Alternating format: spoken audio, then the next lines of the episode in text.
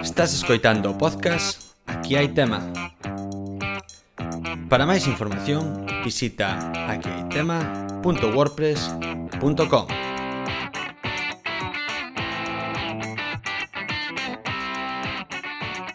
Ola a todos e benvidos de novo ao podcast de Aquí hai tema. Xa sei que estamos en verán e que se cadra o lóxico sería facer pois un programa sinxelo destos refrescantes, non? Como nas televisións que cambian as programacións e, e quitan os programas pois normais de que votan durante todo o ano sobre política e tal para para poñer programas nos que a xente pois cae na auga, basicamente, non? Estilo máis do estilo do humor amarillo. Ben, pero nós pois se cadra non sei por qué, pois somos algo diferentes. E hoxe temos pois o, o tema máis complicado dos que tratamos, por unha parte, que é o tema da enerxía, pero para facelo todavía ou aínda máis complicado, pois resulta que eh, o podcast gravámoslo con varios fallos eh, durante a grabación e durante o uso dos micros. Concretamente, a min falloume moito. Así que o lóxico pois sería pensar eh, por que non o volvedes a facer. Ben, como digo, o tema é complicado e xa con facelo unha vez chegounos. Eso por unha parte e por outra Pois eh, neste podcast o que sí que para facer este capítulo que pois sobre algo do que non somos expertos os que normalmente falamos aquí eh, pois eh, tivemos a colaboración dun, dun gran amigo noso, de Alberto Fraga, que é experto na materia. E ao pobre Fraga, pois non, non lle íbamos a decir Oye, eh, volve que quedou isto mal grabado. Así que para intentar poñerlle remedio a isto, o que imos facer, o, o que fixemos foi eh, dividir en varios fragmentos máis asimilables esa conversación E hoxe, no capítulo de hoxe, temos o primeiro fragmento. Antes de escoitalo, imos escoitar unha pequena introdución sobre o tema de enerxía que eu fixera antes de eh, ter a conversación con, con todo o grupo. É moi breve. E despois xa pasamos á primeira parte da conversación con Fraga. Nesta primeira parte, o que é probablemente a máis densa e eh, porque trata sobre que hai na factura da luz, non? Que, que, que cada cousa que nos cobran na factura da luz. Por lo tanto, é, é, é interesante porque pon un pouco os alicerces, é, é pon un pouco mm, os conceptos na mesa do que se va despois a falar nos seguintes capítulos, que xa vos comento que van a ser eh, eu creo que moito máis entretidos as, as seguintes partes porque teñen esa chicha que buscamos moitas veces aquí, esas curiosidades, esas anécdotas mmm, pois que, que creo que gustan, non? Pero eh, non desmerezo a, a esta primeira parte de hoxe porque xa vos digo que para o que lle interese entender a factura de luz a verdad que, que pode ser moi interesante. Así que nada, dádelle unha oportunidade e vémonos á volta. Hoxe imos falar do problema enerxético en España. E a priori, eu sei que este tema xa asusta e só a chapa, pero non escapes aínda porque o creas ou non é un tema que che interesa. E incluso, como diría o gran Pepe Domingo, si tienes unha empresa, isto te interesa. E se non a tes, pois tamén e hai que ver como me gusta citar os clásicos. E por que che pode interesar? Ben, pois porque o problema enerxético está ligado ao problema que afecta a toda a humanidade, é dicir, o cambio climático, pero tamén a temas propios da nosa contorna. Simplemente facendo mirando un pouco as novas destos días, pois mira, teño aquí algúns titulares 28 de maio de 2020, Alcoa propón pechar a planta de aluminio en San Cibrao e despedir 534 traballadores, non? Que un pouco a nova xunto ao peche de Nissan que está agora mesmo cando, cando se está grabando este podcast máis en, en boca de todo o mundo. E disto xa se leva anos avisando do, do, do tema da Alcoa, non? Por exemplo, temos unha noticia tamén bastante recente do 26 de febreiro de 2020 A anterior noticia era en praza.gal, esta en ABC, que di que un millar de traballadores de Alcoa protestan polo estatuto electrointensivo do goberno. Carai que ben traduzo as noticias o tempo que as leo. Ben, eh, así que parece que eh, o problema do posible peche da planta de aluminio de Alcoa está relacionado a un problema enerxético en España, non? Simplemente vendo os titulares e a pouco que lemos aparecen termos aparentemente complicados como o estatuto electrointensivo e as axudas de interrompibilidade.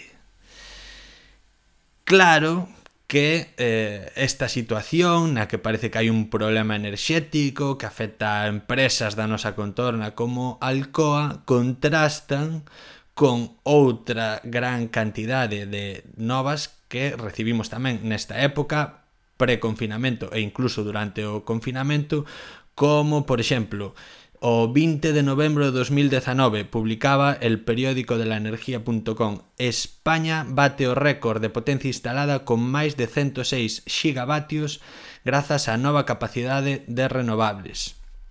Outra, o 12 de eh, a, marzo de 2020 No país, as renovables xa superan en potencia instalada ao resto de fontes de enerxía na península.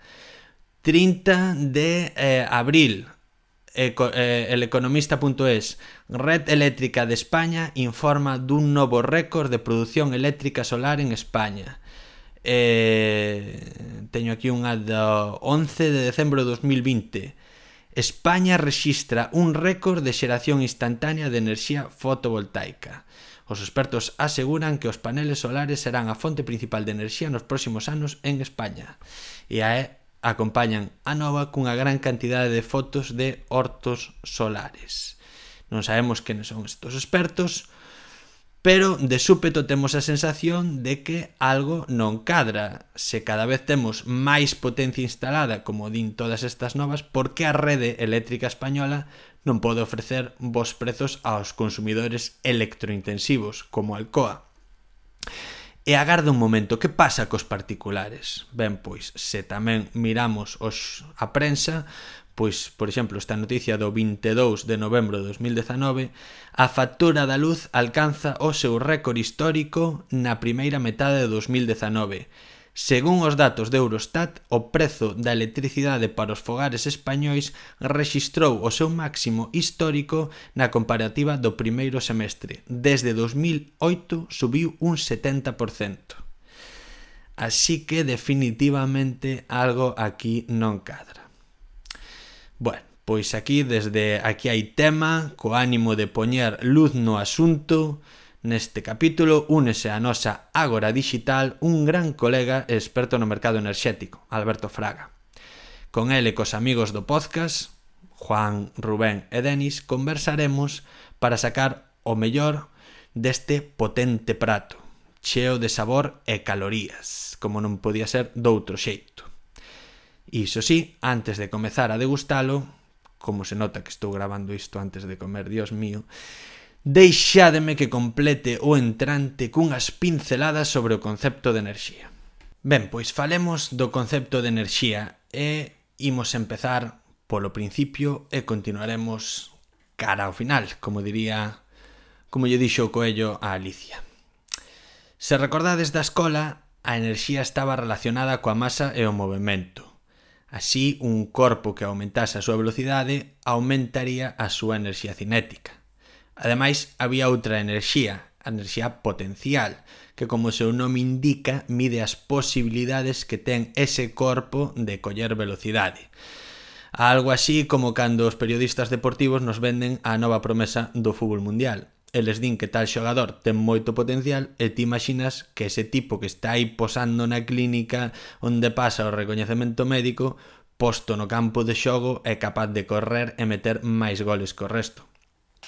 No clásico exemplo da escola, unha vagoneta parada na parte máis alta dunha montaña rusa non ten velocidade, pero ten unha enerxía potencial que coincide en número coa enerxía cinética que se mediría na parte máis baixa da montaña rusa cando a vagoneta alcanzase ese punto, que é o de maior velocidade. Por tanto, nese mundo de montañas rusas e conservación da enerxía, que non é tan familiar da escola, En calquera momento, a vagoneta posúe unha enerxía total que é un número formado pola suma de enerxía cinética e potencial e que sempre permanece constante. Agora ben, a vagoneta pode transferir toda ou parte desa enerxía a outra vagoneta, por exemplo chocando con ela. Neste caso, a segunda vagoneta adquire movimento e, polo tanto, a enerxía podémola definir como a capacidade para realizar traballo.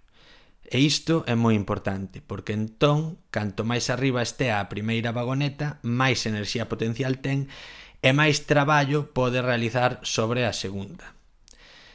Pero, aquí veñen as malas novas, resulta que nisto a transferencia de enerxía tamén ten algo que dicir a termodinámica. E é que cando transferimos enerxía, e sobre todo cando pasamos dun tipo de enerxía a outro, A segunda lei da termodinámica, na que non me vou a parar e queda para outro chapa capítulo, márcanos unhas direccións preferentes, máis probables nesa transferencia. E por culpa, di, eh, por culpa diso sempre hai unhas perdas de enerxía que deixamos de aproveitar. E por tanto, en vez de facer traballo, perdemos enerxía en forma de calor. Vale, pois postas as bases e reformulado o concepto de enerxía eh, xa recordado para todos, Falemos agora da enerxía eléctrica. No sistema enerxético dun país, a clave é producir enerxía eléctrica. A enerxía eléctrica é unha enerxía potencial e, por exemplo, pode transformarse en luz ou movimento sen apenas perdas. É a enerxía máis útil. Na enerxía eléctrica, a transferencia de enerxía prodúcese cando existe unha corrente de cargas eléctrica entre dous puntos a diferencia, a diferente potencial eléctrico. É dicir, Temos un punto A. Chamémoslle central eléctrica, no que estamos xerando unha gran cantidade de cargas eléctricas. E conectamos este punto a través dun material condutor de cargas, chamémoslle tendido eléctrico, a un punto B, que está a un potencial cero, chamémoslle toma de terra da túa casa. Debido á diferencia de potencial existente entre A e B, as cargas estarán viaxando dun punto a outro, mentres non haxa cortes no material conductor. E se, por exemplo, conectamos unha lámpada a ese material conductor, as cargas pasarán pola lámpada transformando a enerxía eléctrica en luz. O feito da sinxeleza no transporte das cargas a través dese tendido eléctrico e a gran velocidade a que se transmite a información fan tan interesante este tipo de enerxía. E por eso é o que lle interesa ao sistema enerxético dun país. Queres luz na túa casa? Preme o interruptor e case ao instante acenderás a lámpada. Ben, a ver, todo isto é unha simplificación da rede eléctrica, pero válenos para ter todos unha idea fundamental que ten que quedar desde xa na cachola.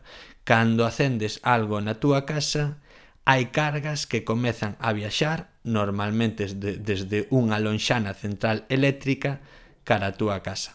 Non ten por que ser unha lonxana central eléctrica, pode ser unha placa fotovoltaica que teñas no tellado da túa casa. Pero digamos que no momento que ti pides hai unha carga desde un sitio que se produce que comeza a viaxar. A información, por suposto, viaxa moito máis rápido que esa carga. Pero no momento que pides, dan. E un par de ideas máis para rematar. Nese punto de maior potencial, nese lugar onde se xeran as correntes eléctricas que inundarán o tendido eléctrico, existen unha gran cantidade de tecnoloxías para crear esas, esas correntes.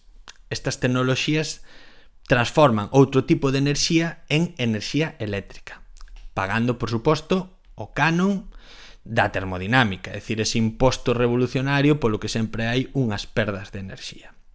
Ben, pois normalmente soense falar de as tres tecnoloxías divídense en tres tipos, non? Unha unha tecnoloxía tradicional que sole valerse de, da enerxía química que conteñen certos combustibles, como por exemplo o carbón nas centrais térmicas.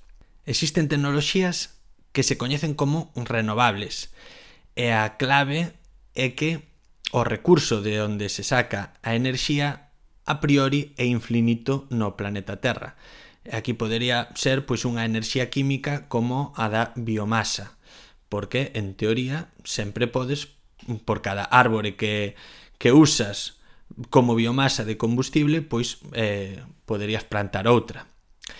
E finalmente existen as eh as tecnoloxías verdes. Estas tecnoloxías eh, garantizan que non emiten CO2 á atmósfera que é o gas de efecto invernadeiro o, o gas de efecto invernadeiro principal culpable do cambio climático porque hai outros gases de efecto invernadeiro, que eh, pois mm, o que garantizan é que durante o funcionamento non se vai a emitir CO2 digo durante o funcionamento, porque lóxicamente aquí estamos pensando, por exemplo, nas tecnoloxía eólica ou solar fotovoltaica que eh, pois durante a construción dos paneis solares sí que se contamina, eh, sí que se gasta enerxía, etcétera, etcétera, no? Sempre aí entra pois o tema dos balances, a ver eh, cantos anos teñen que pasar para eh, realmente compensar enerxéticamente a enerxía que ti tiveches que introducir para crear un panel solar, etcétera, etcétera, no? Pero bueno, a tecnoloxía está moi evolucionada e este tipo de enerxías verdes son xa unha realidade. E ademais, pois teñen o, o adxetivo verde refírese pois precisamente a iso, a que non están emitindo CO2. E nada máis, eu creo que con esta introdución pois xa estamos todos nun bo punto de partida para escoitar ao noso experto nesta agradable conversa que vamos a manter con el na que esperamos aprender porque el en realidade sabe moito do mercado enerxético eh, e imos aprender moito. Así que non o perdades. Imos alá. Hola chicos, que tal? Como estamos? Hola Miguel. Hola. Moi boa tarde a todos. Hola, boas, tardes. Hoxe temos connosco a Alberto Fraga, que é o responsable de valorización de residuos electricidade en Cementos Cosmos pertencente á multinacional brasileira Votorantim Cimentos, e ademais gran amigo noso e un amigo máis do podcast. Que tal, Fraga? Ben, moi ben, moitas gracias, Miguel. Encantado de estar aquí.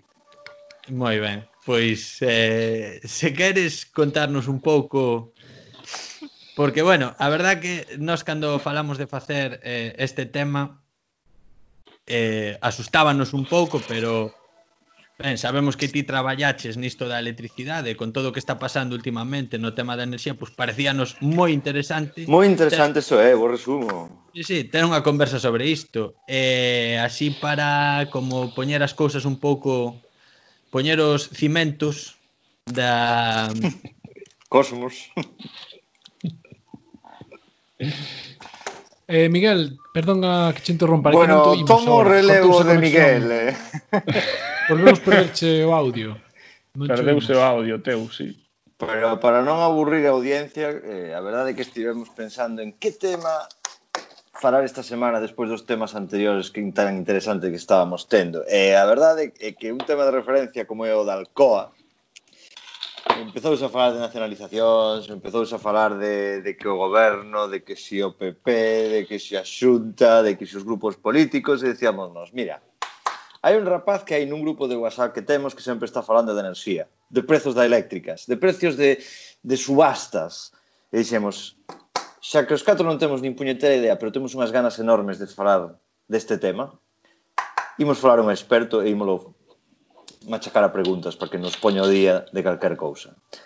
Así que, Fraga, non sei o que ten pensado Miguel, aparte de arranxar o micro, pero non sabría moi ben por onde empezar isto, se empezar a falar dunha maneira global, dun problema global, ou si, sí, o mellor poderíamos empezar a falar dun problema personificado en Alcoa. Eu creo que igual hai que eh, facer unha eu... pequena introducción do mundo enerxético por onde o noso invitado queira entrar e considere que é o máis Perfecto, apropiado para xente Bien. como a min, que somos usuarios nivel básico, eh, que claro, que temos moita que problemas hai, que problemas sí, hai, que cousas hai, sí, sí. Per, per, perfecto. Eu eh, creo que, vamos, vou intentar eh, explicar eh, digamos, todos os, os componentes que hai eh, na, na factura eléctrica, eh, que son múltiples eh, con diversos orixes, e que moitas veces pois a maioría das persoas mm, asociamos digamos directamente a, a unha única causa, a unha única empresa, cando na realidade eh, estamos falando de múltiples conceptos con orixes eh, moi diversos. Non? Eh, entón, eh, dentro do que é o custo eléctrico que pagamos tanto a industria como nos nas nosas casas, temos que diferenciar varias partes. Hai unha parte que é eh, o mercado, o que é a enerxía como tal, o, a enerxía eh, eh, o megavatio hora eh, producido polos xeradores, eh, que, que se vende, digamos, nun, nun mercado que ten unhas, unhas normas, Vale? Despois, eh, teríamos eh, tamén o que é o, o, un custo regulado denominado ATR, acceso de terceiros á rede, que é o que os consumidores pagamos ás empresas de distribución, ás empresas propietarias das liñas eléctricas. Vale. O, eh, eses custos da ATR teñen unha parte que é proporcional á potencia que temos contratada e que é fixa ao longo de todo o ano e outra parte que é variable en función de o período eh, do día ou do ano no que nós estemos consumindo ten ou uns custos maiores ou menores. Eses custos de ATR están definidos eh, no BOE. Vale. Opa, proporcionais e variables, ambos no, hai unha parte que é fixa, a de potencia, e hai outra parte que é variable, en función do que ti consumes.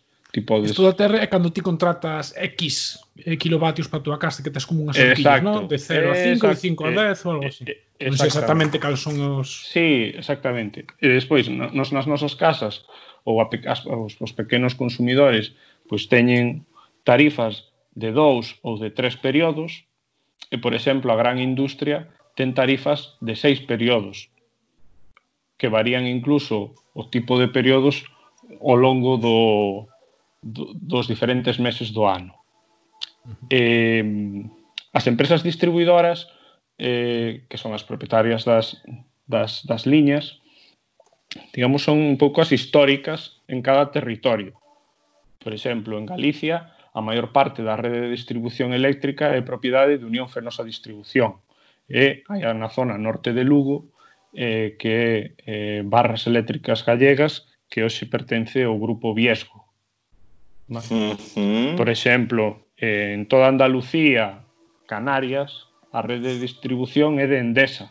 Uh -huh. Veño de traballar hoxe con En na zona de, de Extremadura, Extremadura eh, Madrid, por exemplo, é unha zona tradicionalmente Iberdrola. Iberdrola. Ole. Entón, temos eh, eh, en realidade eh, o custo que nós imos pagar por ese ATR dá igual que empresa sexa a propietaria das liñas, está marcado pol, polo BOE, por un real decreto. Mm, vale? Uh -huh.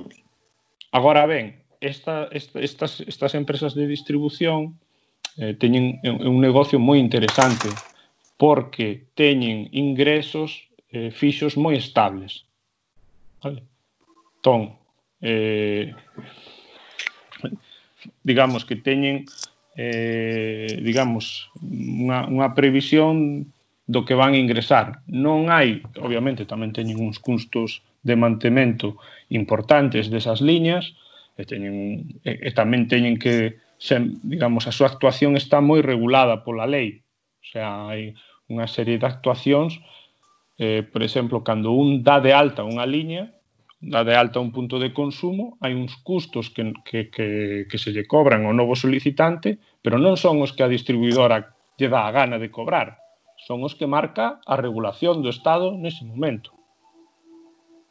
Vale, entón, eh, digamos, eh, eh, non, non é tampouco, ah, é fantástico, cobran o que lles dá a gana, non. Os seus ingresos son estables, pero son regulados, son os que son.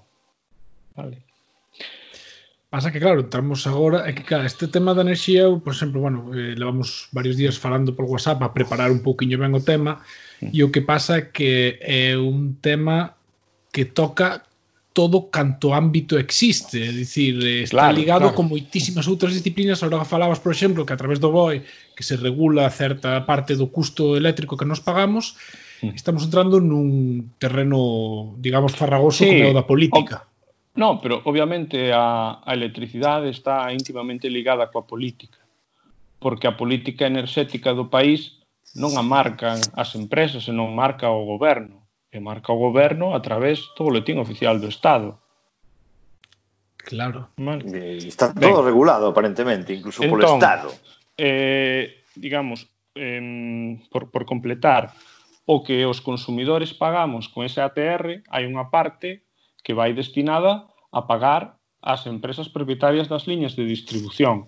Pero tamén hai unha parte importante, por exemplo, que vai destinada a pagar eh, eh, as tarifas ás eh, enerxías renovables eh, construídas no pasado. Vale, entón, Perdón por que exemplo, per, sí. perdón un segundinho, porque cando dis que, que, que é destinado a pagar aos propietarios da rede de distribución, eu como absoluto ignorante no tema, eh, estamos a falar o sea, quero dicir, o, que papel pinta nisto a rede eléctrica? Vale, Son ese é outro a, a empresa, a Rede Eléctrica Española é o, outra parte do eh, do, do conxunto de custos de actores existentes eh, na, na, na digamos no, no custo eléctrico total, vale? Entón, eh, Rede Eléctrica eh, é unha empresa que ten participación estatal, pero tamén privada, que é, eh, digamos, o coñecido como operador do sistema eléctrico en España. Vale. De que se encarga o operador do sistema eléctrico en España? Básicamente de organizar a eh, produción de enerxía eh, e o consumo de tal forma que non existan apagóns. Se basicamente o cometido principal que Red Eléctrica ten. Vale. Entón, Red Eléctrica é propiedade é propietaria das grandes liñas de distribución. Das, to, das, que, que, disculpade, non se chaman nen sequera distribución, son de transporte, é dicir, as de moi alto voltaxe. Vale? Pero, a partir de determinado voltaxe, hacia abaixo, eh, creo recordar, a, por debaixo dos 200.000 voltios, as redes de distribución xa non son propiedade de red eléctrica, son propiedade das empresas distribuidoras. Estamos falando Unión Fenosa Distribución, Iberdrola Distribución, Endesa Distribución, Barras Eléctricas de Galicia... Eh, en realidade, en particular, pode coller o BOE e decidir ah, eu vou montar a liña de distribución eh, daqui eh, para as aldeas dos 50 km á redonda.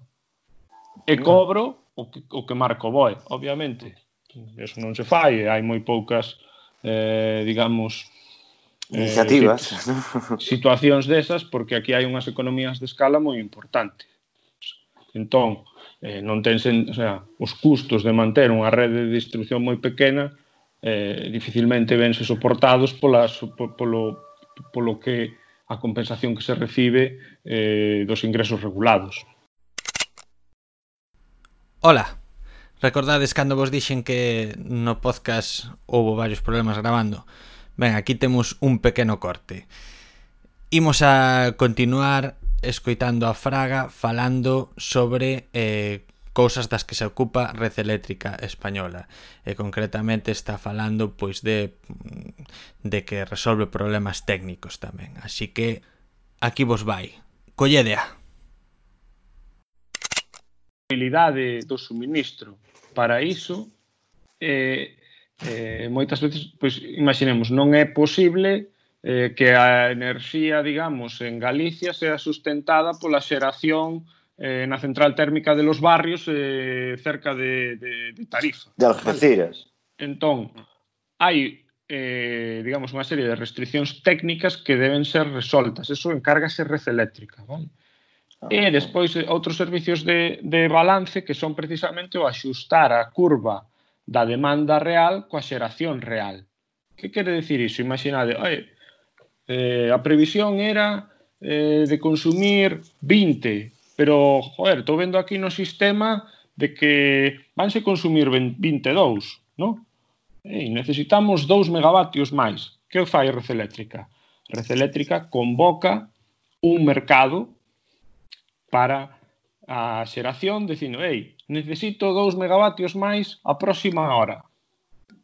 Entón, as empresas xeradoras ofertan e din, pois a central eh, de Belezar aí de Unión Fenosa di, eh, eu dou estes dou, teño, teño auga, sí, pois oferto estes dous megavatios a tantos euros un megavatio. Resulta que a unha central de carbón de Iberdrola en Asturias, pois di, ah, pois eu tamén podo dar, dar estes 2 megavatios oferta. Vale, hai competencia entre os xeradores e Red Eléctrica selecciona as ofertas máis económicas. Vale. Por subasta, pues, directamente, ¿no? Hai unha subasta, vale? Eso está ocurrindo continuamente todo o día a todas horas, vale? Sí. Hai, eh, o sea, eh, eh, producense ese, eses servicios de, eh, de axuste, de balance, eh, que permiten eh, que a xeración eléctrica cubra as necesidades eh, da demanda. Vale? Eh, Red Eléctrica, que o que fai? O custo de facer eh, de todo ese servicio é dividido entre os consumidores. Vale? Entón, unha parte do que nós pagamos na factura da electricidade son eses servicios de balance. Son os, os custos do operador do sistema. Vale? Entón, son, eh, como, son como dos conceptos. Terías un custo máis ou menos fixo que sería o que xa tes previsto e logo outro custo a maiores independiente por estes imprevistos de A ver, este, de este, este, estes imprevistos, salvo hai a veces mm. concorren circunstancias excepcionais e danse picos eh, digamos eh, de, de, de custo realmente moi alto, pero máis ou menos teñen un custo eh, bastante constante. Vale? Mm. Por exemplo, cando eh, hai moita enerxía renovable, o custo de xestionar o sistema é máis caro porque a predictibilidade da xeración eléctrica con renovable é moito máis baixa que con enerxía térmica estable ou enerxía nuclear. Vale? Uh -huh. Entón, temos aí outro custo que é ese, o custo do operador do sistema. Que máis temos? Temos un imposto eléctrico. Imposto eléctrico que pagan todos os consumidores é que, por exemplo, determinadas industrias eh, teñen unha exención do 85% dese imposto pois xa dende fai eh, polo menos uns 6 ou 7 anos. Vale?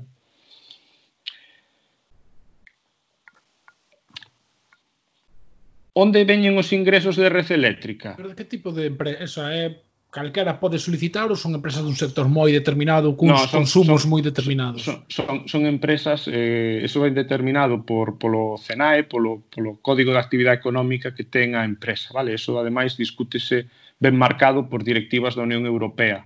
Non ah, todos os... O sea, eh, hai, hai unha regulación eh, específica. Por exemplo, a maioría dos eh, consumidores, eh, os grandes consumidores, eh, están acollidos a esa exención. Vale. Que Alcoa entendo que será un deles, non? Sí, por exemplo, Alcoa é un deles. Alcoa ve, es, ten, ten esa exención. De todas formas, despois cuantifico vos eh, a cada, que, que o que supón cada unha destas partes para que tamén vexades realmente onde está que o que é realmente relevante e que o que é, olle, pois accesorio, vale? Hai, hai outro exemplo así de industria que consuma moita electricidade como o caso de Alcoa, algún sector Metalúrxica. sector, eh. nome, mira, os sectores electrointensivos principais é o aceiro, eh, bueno, o aluminio é o maior, eh, eh, o a produción de aluminio primario eh, ten un consumo eléctrico brutal porque o, o proceso de fabricación do aluminio faise mediante electrolisis. Hola. Eh, boa tarde. Hola, Miguel, que tal? Boas, Miguel. Xa, xa está todo falado, xa, xa está. Sí, sí, sí. Estamos... Bueno, gracias, gracias Alberto. Gracias, Alberto. Vale. eh, estábamos me preguntando sectores tipos de sectores vale, de gran consumo eléctrico en, en Mira, xa teño patrocinadores, bicho. Sí, está mirando. Xa estou vendo, eh. Aspersky patrocina este podcast. Grandes que outros grandes consumidores eh Outros grandes consumidores son, por exemplo, eso metalúrxico, eh, gases industriais, o cemento, eh, eh, a siderurxia, eh, algunha química, o papel... Dixemos eh, fundicións? Sí, fundición tamén. Vai en sí. metalurxia, non? Sí, metalurxia, fundición. O único sector así que... Bueno, claro, pull and paper, sí, ese tamén. Ese tamén lle dá bastante Sí, o papel, o, cloro. pa- o, o papel consume consume bastante, sí. papel dá. O sea, que sería básicamente producción primaria. Sí, A grandes rasgos. Sí. Moi básico, sí, ¿no? Todo sí. moi aceiro, aluminio, papel. Porque Vale. para Entón, pregunto, para eh, facer, para activar eh, un forno Espera un electricidade. Depende do tipo do forno, da tecnoloxía, claro, pero refirme tipo de forno. O, eh, os fornos hai nos de un forno de arco eléctrico, pois terá un consumo moi importante el de electricidade directamente. Un forno eh, rotativo, pois terá o consumo do motor para rodar o forno. Non? Eh, vale. Vale. Sí, sí, sí, sí. Forno sí. rotativa é como do telepizza, que metes pizzas por un lado vai, vai se movendo no, pizzas forno, forno rotativo basicamente un cilindro lixeiramente inclinado que vai xirando e eh, a medida que vai xirando debido a esa pequena inclinación o material que hai dentro vai avanzando. Bueno, pues igual que os cos máis ou menos, pizza, sí. sí. máis ou menos. Metes a pizza por un lado, eh, ten unha, unha rejilla que se vai movendo e eh, arriba ten as resistencias, entón a pizza vai pasando e sale por outro lado aos 15 minutos feita. ah, ni madre. Moi ben. Eu é un pouco diferente. Xente, para el pueblo, eu falo para el pueblo. Toma nota, red eléctrica. Exacto. Bon, eh, último concepto que estábamos falando era de tema de imposto eléctrico. Eh, E despois tamén hai pequenos, eh, digamos, mm, pequenos custos, como pode ser, por exemplo, eh, o igual que a rede eléctrica é encargada de, de, digamos, de xestionar todo o sistema, pois hai unha empresa eh, que se encarga de xestionar o mercado, que é o MIE. Vale? Entón, o MIE, pois, digamos, pois, eh, eh de todos os megavatios eh, hora eh, xestionados, pois hai un FI definido tamén polo BOE, que é o que eles, digamos, son os, son os seus ingresos. Vale. E que diferencia hai entre isto e o, e o operador? O operador do sistema encárgase de axustar as curvas de demanda e de e, e de xeración. De xeración é o responsable, digamos, de, de que físicamente o sistema non colapse. Uh -huh. E ademais ten que xestionar os intercambios internacionais, as interconexións con Francia, con Marrocos, no noso caso Portugal, é, é, é propietario de, das liñas de moi alta tensión. Vale? O operador do mercado ibérico de electricidade é máis unha, é unha, é unha casa de compensación eh, na cal, digamos, os xeradores fan as súas ofertas que son casadas coa produción prevista, co, cos, cos, co, coas previsións de consumo que as comercializadoras introducen aí. Vale. Entón, ten un papel menos eh, técnico, máis eh, económico. Vale? Uh -huh. Pero encárgase de que todos os días ás 12 da mañá eh, digamos, pre, eh, organízase a subasta hora a hora do prezo da enerxía do día seguinte.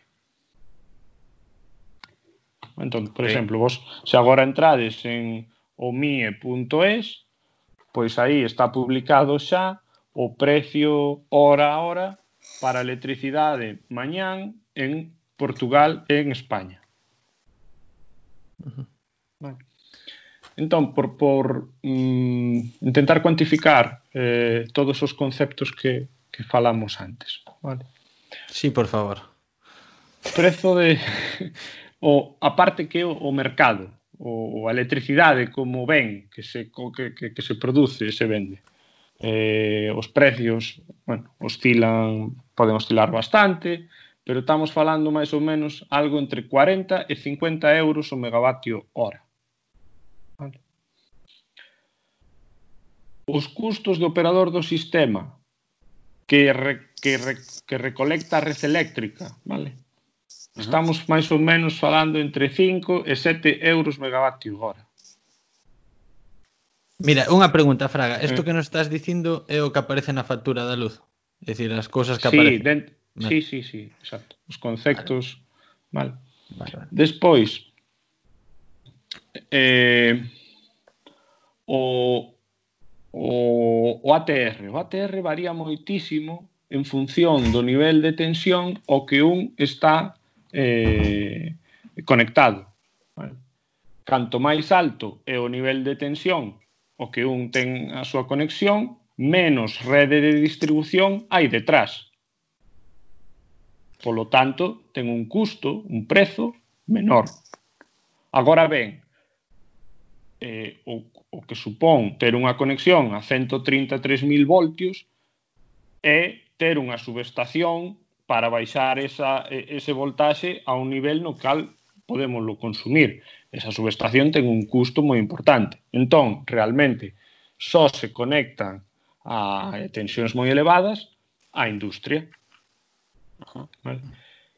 Entón, de, de, cando vamos ás nosas casas, nos temos a nosa tensión moito xa, digamos, reducida, moito máis baixa, pero ten detrás unha rede de distribución moi importante. Vale. Entón, os custos eh, do ATR tamén teñen, como vos dixen antes, unha parte fixa de potencia contratada e unha parte variable. Entón, o uso que nós fagamos desa electricidade ten tamén un peso moi importante. Se eu pido moita potencia e só a consumo dous ou tres días ao ano, vou ter un precio no fin de 1000 megavatio, 1000 euros megavatio hora. Mentres que se eu teño a potencia eh, a potencia que eu solicito resulta que teño un consumo moi elevado, estou diluindo esa parte fixa moito máis. Vale? Entón, aí o perfil de consumo de cada consumidor é determinante tamén. Para que vos fagades unha idea, nós na nosa casa, máis ou menos, pagamos de custo eh, aproximado eh, eh, por megavatio hora, pois do orden duns eh, 150, 200 euros megavatio hora en total. Uh -huh. Deso, o que o ATR son como uns 100, 120, 150 euros. O sea, chega máis, o, o ATR, o que é o custo regulado de distribución, para un consumidor particular é prácticamente entre o 50 e o 70% do seu custo. Vale? Para un consumidor industrial, como está conectado a un nivel de tensión moito máis elevado, pois estamos falando igual de, de 10, 15, 20 euros megavatio hora, no caso de gran industria. No caso de industria pequena, pode ser unha canteira, un almacén, un, bueno, a maioría do, do digamos dos dos consumidores non particulares, pois o ATR tamén ten un peso realmente moi importante. Estamos falando igual tamén do 50, do 60% do custo total. Vale. Uh -huh. Por exemplo, unha empresa que falades antes que está hoxe moi en día, Alcoa. Alcoa de ATR eh, probablemente ten a tarifa máis económica posible, porque está conectado no nivel de tensión máis alto. Ten tarifa denominada 6.4 que igual ten un custo pois só de eh, 6, 7 eh, euros megavatio hora por ese concepto, cando outras industrias teñen aí 15 ou 20 e os consumidores nas nosas casas temos 150. E por que ten moito menos alcoa? Consume porque... máis, pois máis no, barato, ou que? No, porque eh, a tarifa eh, 6.4 que é para consumo, para conexións por riba dos eh, 133.000 voltios é moito máis barata pero tamén para poder conectarte a 133.000 voltios tens que ter unha subestación moito máis cara que unha para conectarte a 20.000. Uh -huh. Sería máis barato por, porque non require transformadores intermediarios, é dicir, que a enerxía eléctrica vai directamente do Dai, prácticamente, exacto, prácticamente vai das redes de transporte de red eléctrica ten que sufrir unha, unha transformación moi pequena eh, para chegar ata a entrada da fábrica. Mentres que, para chegar á entrada das nosas casas, para baixar ese nivel de tensión, hai un traballo de reducción de voltaxe moito maior. Pero ese traballo de reducción de voltaxe ata chegar aos 220 que temos na casa... Faino a eh, empresa distribuidora. É, pero, eso, claro, a nivel... A ver se me explico. A nivel mm, físico, a nivel técnico, como se fai? Quero dicir, fai, leva un custo, subes... ou... Claro, ten un custo importante, ten inversións ah. moi potentes de, de, de, en subestacións. Non é que chega por un lado, meteslle un, un, no, no, no. unha bobina e sale xa...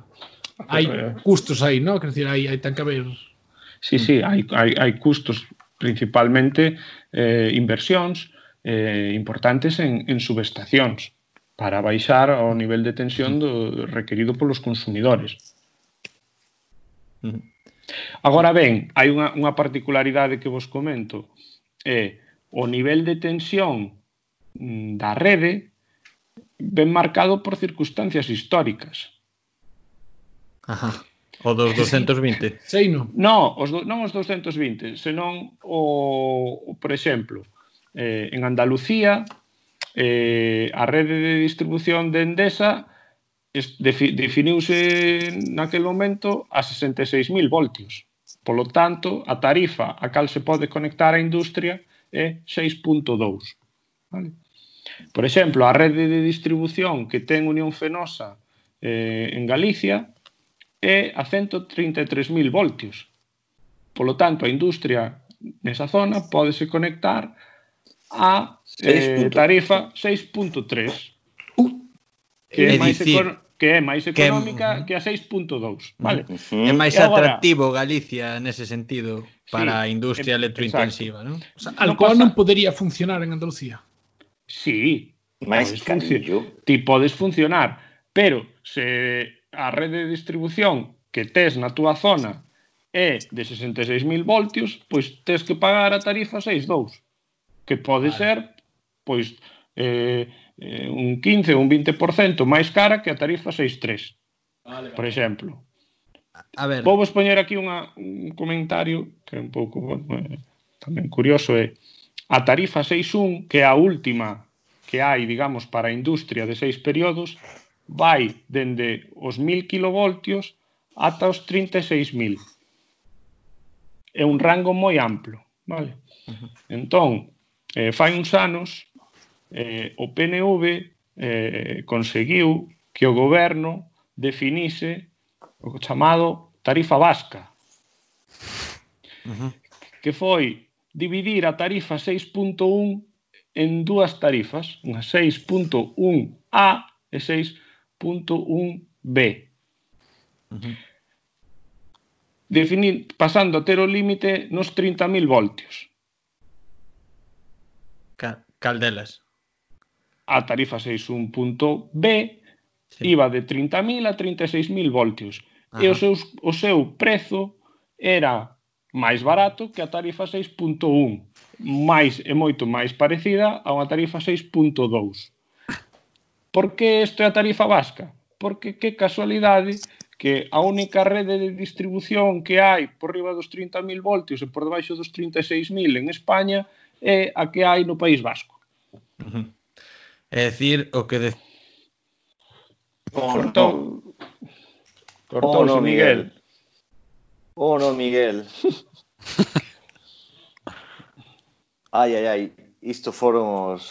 Cara de decepción. Grupo... Seguro que dixeches algo moi interesante, pero... Seguro que a, a, os grupos de... Como se chama? de protesta vascos que cortaron a emisión, porque Miguel iba a meter a iba a meter a man na ferida, ah. sei no eu, en plan. Ostras.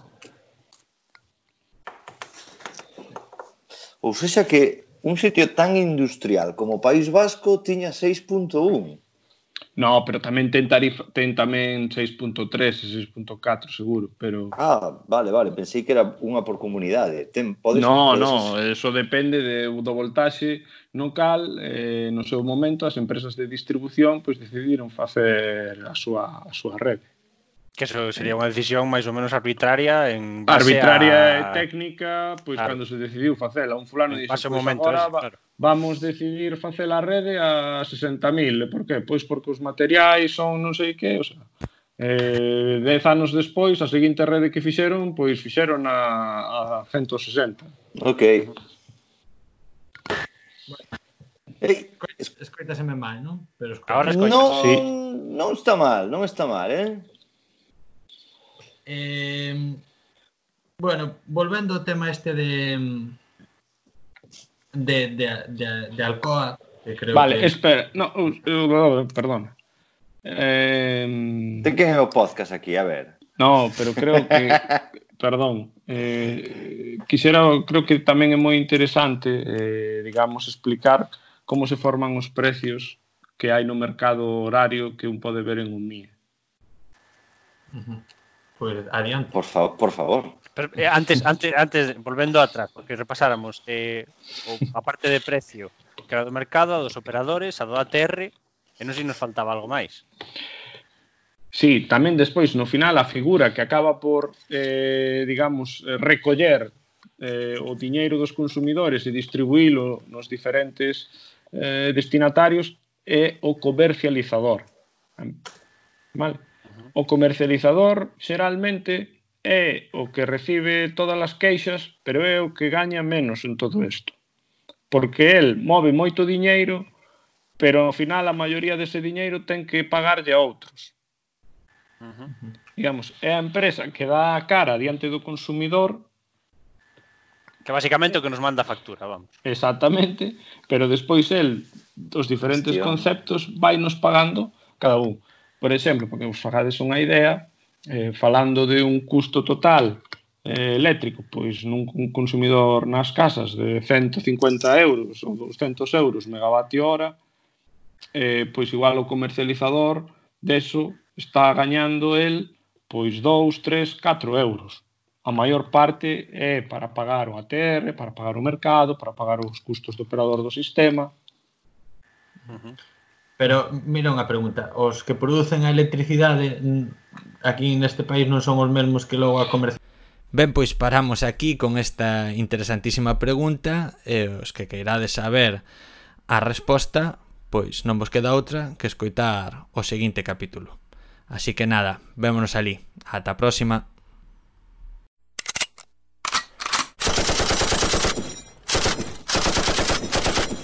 Grazas por escoitar o podcast Aquí hai tema. Se te apetece, podes deixar un comentario en aquihaitema.wordpress.com. Ata logo!